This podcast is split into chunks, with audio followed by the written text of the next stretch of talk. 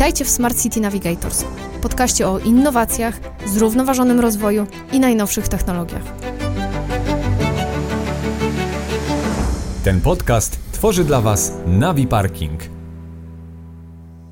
Monika Borycka, trend researcherka, analityczka innowacji i specjalistka Future Studies. Posiada 13 lat doświadczenia w mediach digitalowych największych ogólnopolskich stacji telewizyjnych, gdzie zajmowała się m.in. trendwatchingiem, tworzeniem raportów, analizą i wdrażaniem innowacji. Założycielka Trend Radar, pod szyldem którego przybliża wiedzę o trendwatchingu. Wykładowczyni Uniwersytetu Jagiellońskiego, SWPS oraz opiekunka merytoryczna studiów Trendwatching and Future Studies na AGH. Analizuje trendy, tłumaczy innowacje i pomaga zrozumieć przyszłość pozwalając organizacjom przygotować się na zmiany i być zawsze krok przed innymi. Powitajmy Monikę Borycką w najnowszym odcinku podcastu Smart City Navigators. Witaj Monika. Witam, witam serdecznie. E, powiedz proszę, skąd do nas nadajesz? E, a z Krakowa, z Krakowa na południu Polski. E, miłe, przyjemne miasto, chociaż daleko mu chyba do smart. To się okaże w sumie po dzisiejszym podcaście Dokładnie. też, bo może też opowiesz coś o Krakowie. Natomiast e, nagrywamy to, jeszcze jest końcówka lata i e, na przykład w Warszawie jest dosyć gorąco. Jak tam w Krakowie? No dzisiaj akurat w Krakowie e, zelżał już ten upał taki rzeczywiście mm, e, letni, e, no i nie mamy już tych wysp ciepła o których ostatnio też dużo w kontekście miast się mówi, e, zresztą w kontekście Warszawy na pewno też, e, więc już trochę zelżało. No ale z tymi wysokimi temperaturami będziemy musieli sobie coraz częściej radzić e, z wysokimi temperaturami w miastach. No dobrze. Monika, będziemy dzisiaj rozmawiać o temacie takim dosyć szerokim i dosyć ogólnym. Będziemy rozmawiać o temacie Smart City. I właśnie jak to jest z tym Smart City? Zaczniemy od tego, czy czy to tak naprawdę jest jakaś daleka, futurystyczna wizja, czy to już się w pewnym sensie dzieje? Mówimy oczywiście póki co o obszarze polskim.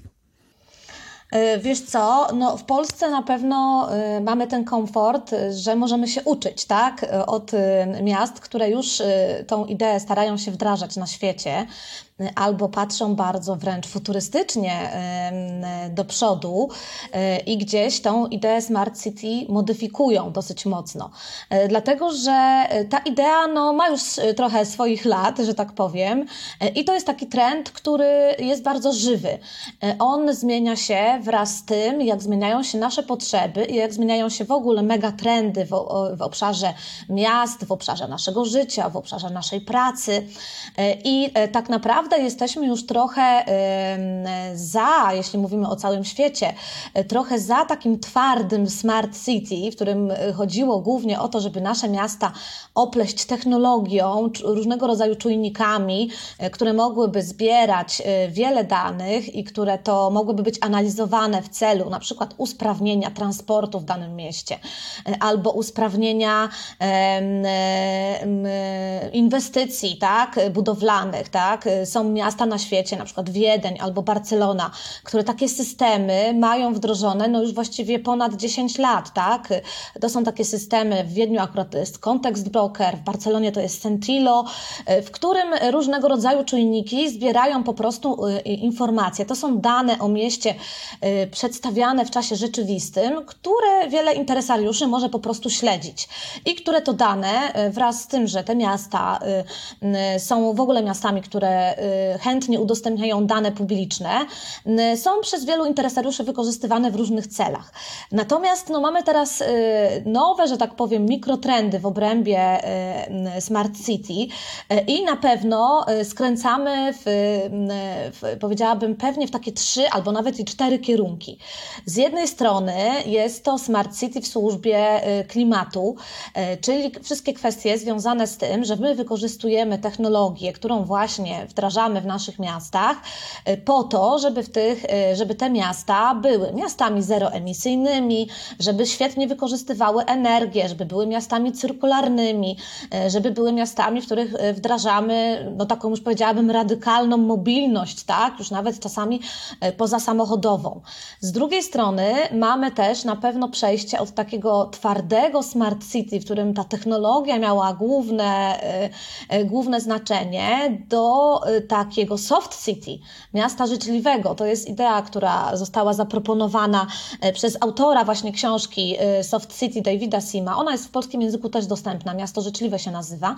I to jest już taka, taka idea, która tą technologię stawia na drugim miejscu w służbie człowieka, w którym chodzi nam o to, żeby budować miasta przyjazne ludziom, e, przyjazne społecznościom, mikrospołecznościom e, i tutaj ta technologia właśnie ma temu e, służyć. No i mamy jeszcze taki trzeci nurt, powiedziałabym, bardzo futurystyczny, w którym warto byłoby spoglądać na miasta azjatyckie, na miasta Bliskiego Wschodu, które jakby już wdrażają w tych swoich futurystycznych wizjach miast przyszłości ideę Smart City na nowo.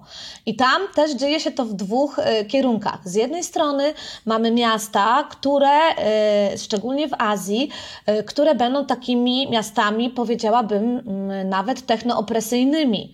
Mamy takie, takie projekty, możemy sobie o nich za chwilę też porozmawiać, w których ta technologia monitoruje no nie tylko procesy czy też jakieś dane w miastach, ale właściwie każdy ruch jego mieszkańców. Y, oczywiście niby w dobrej wierze, ale tutaj należałoby się zastanowić. Z drugiej strony mamy z kolei projekty bardzo mocno nastawione na ten nurt y, w służbie, służbie klimatu. To są już miasta, które powstają jako takie ekotopie, wręcz bym powiedziała, y, i w których właśnie dane technologiczne wykorzystywane są do optymalizacji y, funkcjonowania miast w kontekście zmian klimatycznych. I to są tak naprawdę, jak widzisz, no bardzo też różne tematy. To jest bardzo pojemny i szeroki trend który no wraz z tym, jak my też funkcjonujemy, także po COVID-zie, tak, bardzo się zmienia. Ostatnio nawet widziałem, jak wspomniałaś o Bliskim Wschodzie, to widziałem ten projekt The Line, czyli ta linia, nie wiem czy to widziałaś, linia, która po prostu z obu stron wygląda jak jakieś oszklone coś, a tak naprawdę jest to prawie 200-kilometrowe miasto w kształcie linii. Co o tym projekcie sądzisz? Wiesz co, ja ten projekt znam y, już od kilku lat. Y, to jest projekt, który jest, że tak powiem, promowany, y, który jest który też, którego też inwestorem jest jeden z szejków właśnie w Arabii Saudyjskiej, któremu bardzo zależy na tym, żeby budować taką wizję Arabii Saudyjskiej 2030, bardzo nowoczesną, ale jednocześnie też ze spojrzeniem trochę na kwestie zmian klimatycznych. Projekt The Line należy do takiego całego projektu NOEM, właśnie y, y, obszaru, powiedziałabym, geograficznego, ekonomicznego, y, w którym zaproponowano co najmniej kilka takich testowych miast przyszłości. Jest właśnie ten The Line, jest też Oksagen, który ma być takim miastem pływającym, jest samo Noem, które ma właśnie wykorzystywać mocno y, kwestie związane z big data, ze sztuczną inteligencją, y, z tymi y, technologicznymi danymi właśnie w kontekście smart city. Natomiast samo Line akurat teraz się mocno ożywiło, dlatego że pokaz zostały pokazane nowe wizualizacje, właśnie te, które, które, o których opowiadasz. Ja będąc w zeszłym roku w Dubaju na Expo, pierwsze co co zobaczyłam po, po opuszczeniu samolotu właśnie na lotnisku, y, jadąc schodami ruchomymi, to właśnie były reklamy Noem i The Line, tak? Bardzo ogromne wizualizacje, które y, tam się przewijały, więc to nie jest taki całkowicie futurystyczny projekt, tylko i wyłącznie idea, ale będzie to projekt realizowany. Zobaczymy w jakim, w jakim kształcie on w ostateczności powstanie. Natomiast zobacz, to The Line ma też znaczenie takie, że po pierwsze sięga do idei architektonicznych, które nie są nowe, bo my w latach 50., 60. mieliśmy już y, y, y, Hansenów, państwa Hansenów, którzy miasto liniowe właściwie chcieli przeforsować właśnie w Polsce. Oni zaprojektowali takie cztery linie od Bałtyku właściwie po Tatry, argumentując to tym faktem, że miasta centryczne, miasta takie, jakie znamy, są miastami nieprzystosowanymi tak naprawdę do funkcjonowania człowieka, bardzo opresyjnymi, że są zamkniętymi przestrzeniami, więc to miała być taka idea wychodząca naprzeciw tym modernistycznym pomysłom y, architektonicznym. E, I to The Line gdzieś tam y, obok tej idei leży.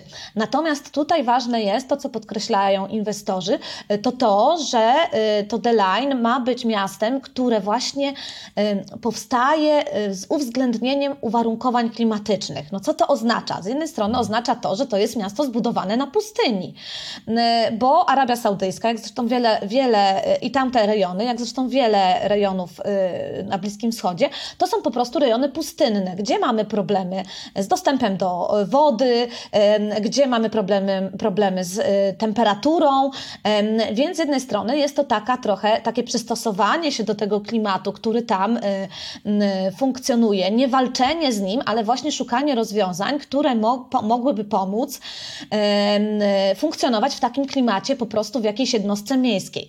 A z drugiej strony to miasto liniowe, ono ma być też liniowe, z jednej strony właśnie liniowe wzdłuż, ale też liniowe pionowo, to znaczy tam mają być różne poziomy tego miasta, także ze względu na to, żeby nie naruszać tego, tej, tego, tej bioróżnorodności, tej biosfery, która tam e, funkcjonuje, a z nią żyć w takiej koegzystencji. E, ma to być także miasto, które będzie mocno skierowane, no właśnie frontem do ludzi, e, dlatego że jego główne założenie jest takie, że ono ma być liniowe, ale tak naprawdę tam co ileś kilometrów mają występować takie enklawy, w których my jako ludzie, mieszkańcy takiego miasta, nie musielibyśmy właściwie posiadać żadnych samochodów i innego transportu, ponieważ wszystko jesteśmy w stanie zrealizować w ciągu, oni nawet tutaj sobie taki cel stawiają 5 minut. E, to jest oczywiście połączenie e, tego miasta linearnego z ideą miasta 15-minutowego. Idea, która bardzo mocno gdzieś wykiełkowała w ostatnich dwóch latach, szczególnie w Paryżu, bo, o, e, bo, to, bo to Paryżanin jest autorem tej idei i tam ta idea 15-minutowego miasta jest bardzo konsekwentnie też realizowana. No, możemy też sobie opowiedzieć, jak to właśnie wygląda w europejskich miastach. No i tutaj pięciominutowe miasto, czyli że szkoła, jakiś ośrodek edukacyjny, nasza praca, park, lekarz, sklep, wszystko mamy w odległości pieszej pięciominutowej. I te enklawy mają powstać na całej linii tego właśnie linearnego miasta. Y, komunikacja tam ma być absolutnie pozasamochodowa. Jedynym środkiem transportu ma być szybka kolej, a właściwie no, gdzieś pojawiają się y, informacje o Hyperloopie, tym, który już Virgin, że tak powiem, pokazał, przetestował. Oczywiście to jest projekt cały czas w toku, no ale gdzieś ta szybka kolej nas, na, nabiera kolejnego rozpędu, kolejnego etapu. I, no, i t, t, tym, tym, tym transportem mają się właśnie poruszać y, mieszkańcy. To ma być wszystko zamknięte w takiej, tak jak mówisz, lustrzanej y, powłoce, tak, że po to, żeby stapiało się z otoczeniem y, dookoła. No i przyznam szczerze, że spotykam się z dużą ilością takich głosów, że ten projekt nie zostanie zrealizowany. Albo to jest tylko jakaś taka wizja bardzo futurystyczna. Ja się trochę z tym nie zgadzam. Uważam, że mm, w jakimś kształcie po tym, co e, pokazał chociażby Dubaj, e, ten projekt będzie zrealizowany. Może nie idealnie takim jak na tych wizualizacjach, ale tam mamy i ekonomiczne, i polityczne aspekty, które te trendy popychają do przodu, poza oczywiście samymi trendami miejskimi. Zresztą, no, wspomnieliśmy sobie tutaj o Dubaju. To też jest przykład miasta, które powstało na pustyni, a to, co udało się zbudować chociażby na Expo, jako infrastrukturę, która no, była była małym miasteczkiem i która tam zostanie jako Dubai District 2030, y, no jest y, absolutnie już w trendach też związanych właśnie z, y, i ze Smart City i ze takimi miastami budowanymi właśnie w kontekście warunków klimatycznych. Tu poruszyłaś ciekawy aspekt, czyli aspekt transportu. No bo właśnie, e, nawet e, u nas w Navi Parking, jak obserwujemy sobie, jak to wygląda, jeśli chodzi o e, ruch samochodów w miastach, o możliwości parkowania samochodów w centrach dużych miast, cały czas umówmy się, miejsca parkingowe cały czas są non-stop niewykorzystaną przestrzenią i te miejsca w większości stoją puste.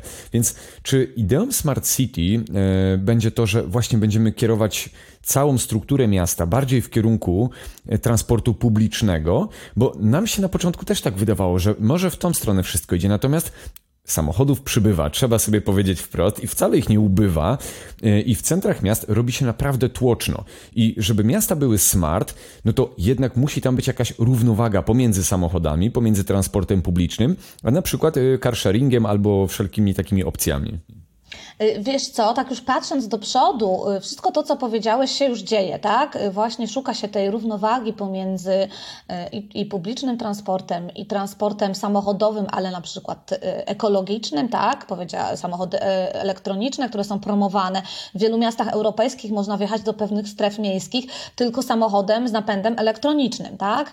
Więc to wszystko się na pewno już dzieje. Natomiast patrząc już tak naprawdę do przodu, to nie znam żadnego projektu miasta przyszłości, a jest ich kilkanaście w tej chwili y, projektowanych bądź już budowanych na świecie, y, które zakładałyby y, transport samochodów spalinowych. E, absolutnie wszystkie te miasta e, z góry mają wkomponowane e, i, i, zakładają to, że samochody spalinowe nie będą mogły tam wjechać. Co to oznacza? Oznacza to, że będą to alternatywne pojazdy, no właśnie na przykład transport elektroniczny. Zresztą mamy takie miasto Mazdar pod Dubajem, pod Abu Dhabi, między właśnie Dubajem a Abu Dhabi, które jest takim miastem no trochę utopią. Nie do końca ten projekt zaskoczył, ale na pewno zaskoczyła tam kwestia transportu. Y, tam rzeczywiście mamy transport, to są takie małe pojazdy autonomiczne, y, które zabierają cię po prostu door to door, z miejsca do miejsca takiego, które ty potrzebujesz się dostać. Y, I zresztą te pojazdy autonomiczne no, są jedną z dróg, jak spojrzysz na przykłady tych właśnie miast przyszłości typu Toyota, tak, City, które jest budowane w Japonii, albo Songdo w Korei, albo Tencent w Chinach, E, to wszystkie one e, gdzieś na tych projektach i wizualizacjach wykorzystują właśnie transport autonomiczny, e, czyli ten transport już w duchu technologicznym mocnym, wykorzystującym sztuczną inteligencję, w którym no, nie będziemy mieli kierowców, tylko, tylko pojazd będzie sam na tych trasach nas woził. Natomiast to nie będą pojazdy, to nie będą samochody w takim, w takim wyobrażeniu, jak my sobie to wyobrażamy, albo autobusy.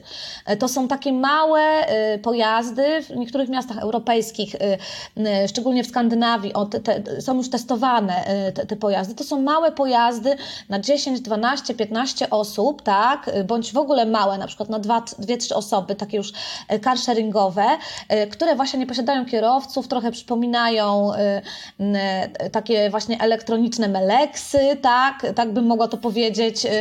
Więc to są takie pojazdy, które, które mają po tych miastach się poruszać. Ma być w większości tych miast zakaz właśnie ruchu y, samochodów spalinowych.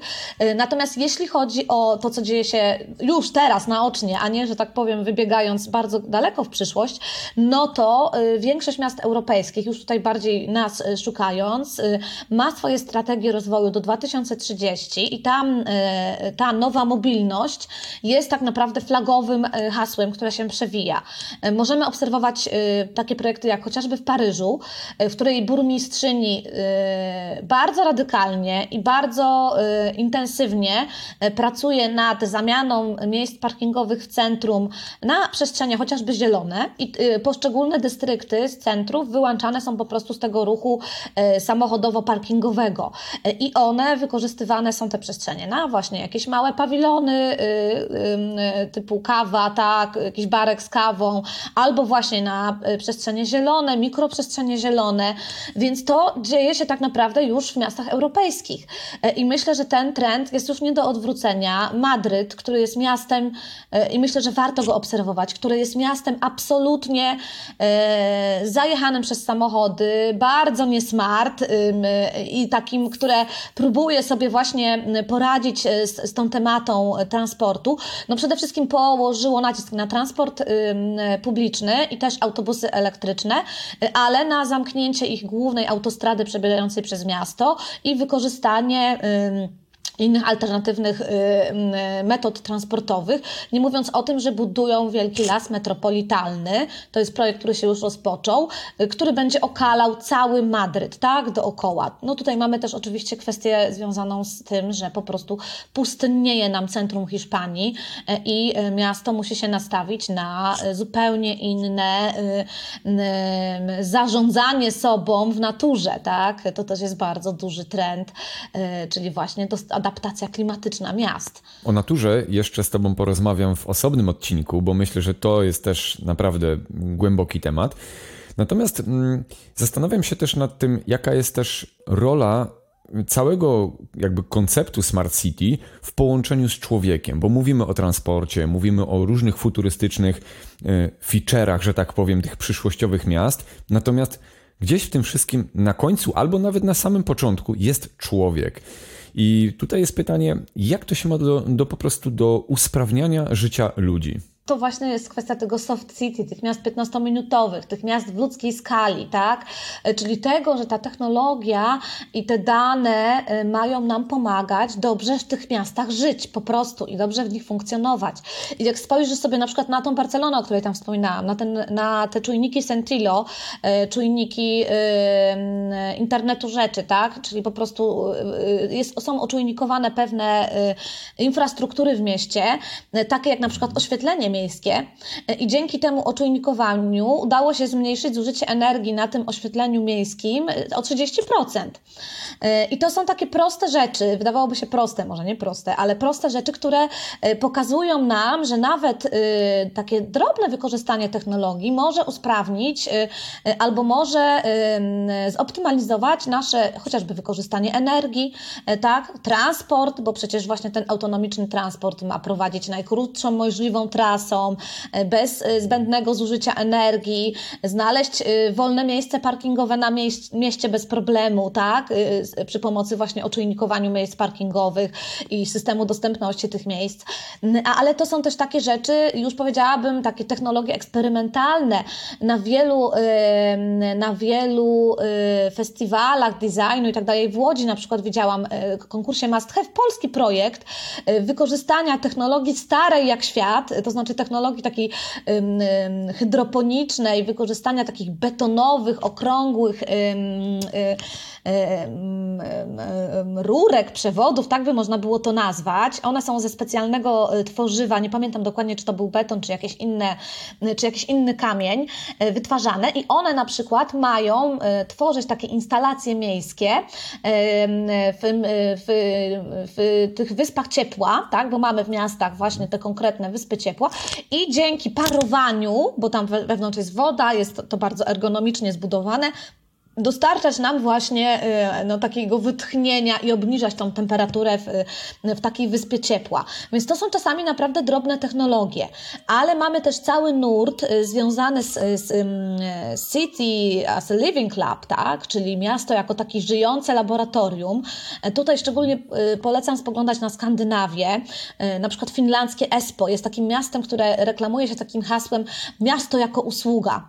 E, to znaczy my tak naprawdę jako miasto, jako władze miejskie dostarczamy pewnego rodzaju usługi naszym obywatelom i to ma tak naprawdę bardzo wiele y, swoich y, oblicz, y, począwszy od działań dla mikrospołeczności, skończywszy na dużych projektach, w których jest właśnie zaprzęgnięta technologia i w których liczy się współpraca i tworzenie takiego ekosystemu innowacji. Wiele miast zresztą, no naprawdę, ma Amsterdam, Barcelona, E, Montreal w Kanadzie, wiele miast ma takie doroczne konkursy y, startupowe, tak, w których ogłasza, i to są normalne samorządowe inicjatywy, w których ogłasza, y, słuchajcie, startupowcy, którzy wykorzystujecie technologię, zgłoście do nas projekt, y, który w jakiś sposób usprawniłby funkcjonowanie i nasze życie w tym danym mieście e, i my ten projekt zrealizujemy, tak, to są takie konkursy i wiele takich konkursów już od lat się toczy w tych miastach i wiele tych pomysłów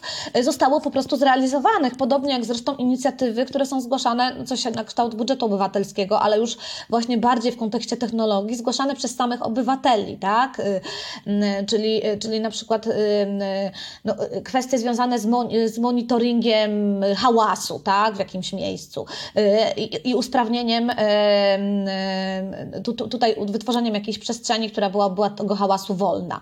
Więc to, to są czasami tak naprawdę drobne, niewielkie rzeczy, drobne zmiany, w których mądrze wykorzystana technologia e, może doprowadzić, no właśnie chociażby do oszczędności energetycznych, co wszystkim nam e, w, w całej Europie na pewno będzie w najbliższym czasie bardzo mocno potrzebne. Kończąc ten epizod, ja bym chciał się dowiedzieć tak naprawdę e, też, jestem ciekaw Twojego prywatnego zdania. Jak Ty uważasz, jak będą wyglądały miasta przyszłości, e, no może nie wiem, za 5-10 lat, bo dzisiaj naprawdę wszystko się tak dynamicznie zmienia, że jest możliwe już, żeby na przykład za 5 do 10 lat te miasta totalnie zreorganizowały swoją strukturę. Jakie ty masz przewidywania? Bo przecież jesteś trend researcherką, jakby nie patrzeć. Wiesz co, myślę, że bardzo dużo idei będziemy sobie testować, tak? Albo inaczej, będziemy wdrażać te, które gdzieś już fajnie się sprawdziły. Te miasta, o których sobie tutaj rozmawialiśmy, te miasta totalne, miasta przyszłości, Dubaj, Azja, y, Arabia Saudyjska, y, to są takie barometry, które mogą nam pokazywać rozwiązania, które mogą rzeczywiście się udać i być skalowalne. Warto też patrzeć na miasta, y, które, w których to już się udało, tak? I które gdzieś tam już sobie to wdrożyły i ja myślę, że będziemy po prostu wiele tych idei, wiele tych, trendów próbować inkorporować do nas. Wiesz co, ja bym chciała, tak moje prywatne, to, to może nie przewidywania, ale to jakbym chciała, żeby to miasto wyglądało. I to wcale nie są jakieś wielce, wielce futurystyczne wizje, ale jest takie miasteczko Freiburg.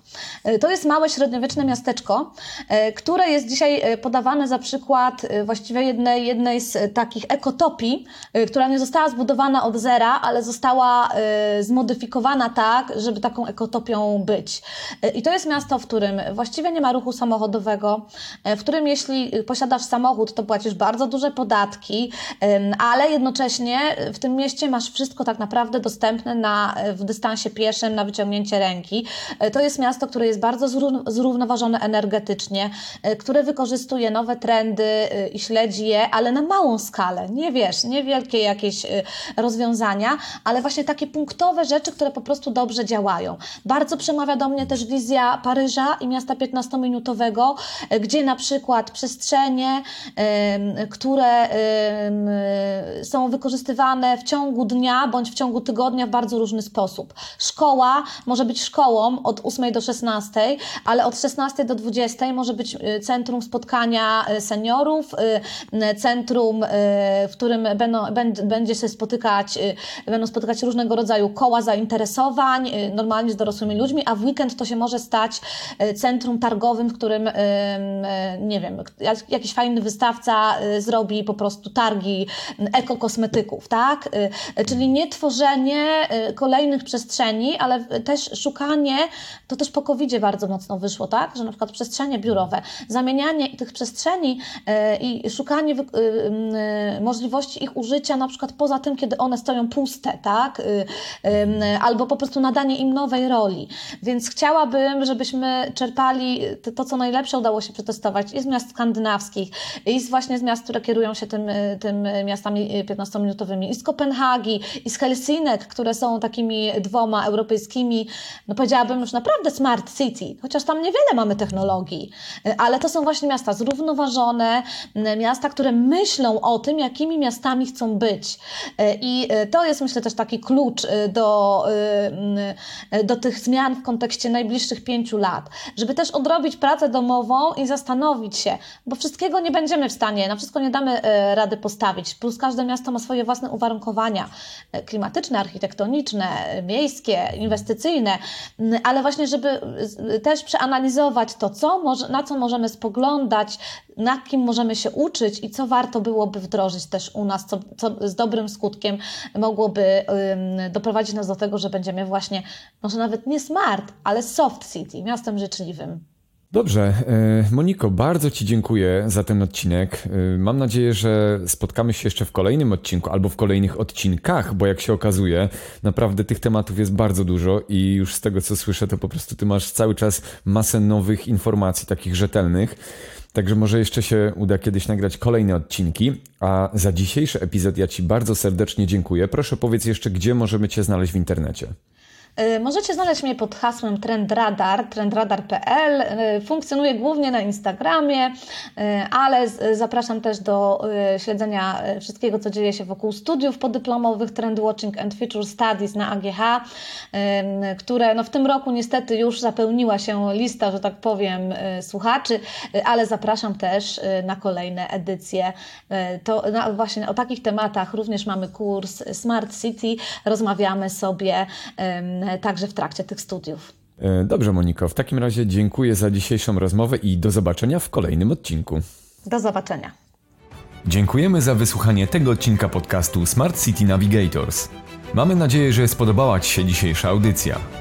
Podziel się swoimi przemyśleniami w komentarzach i nie zapomnij zasubskrybować tego kanału, aby nie przegapić nowego odcinka.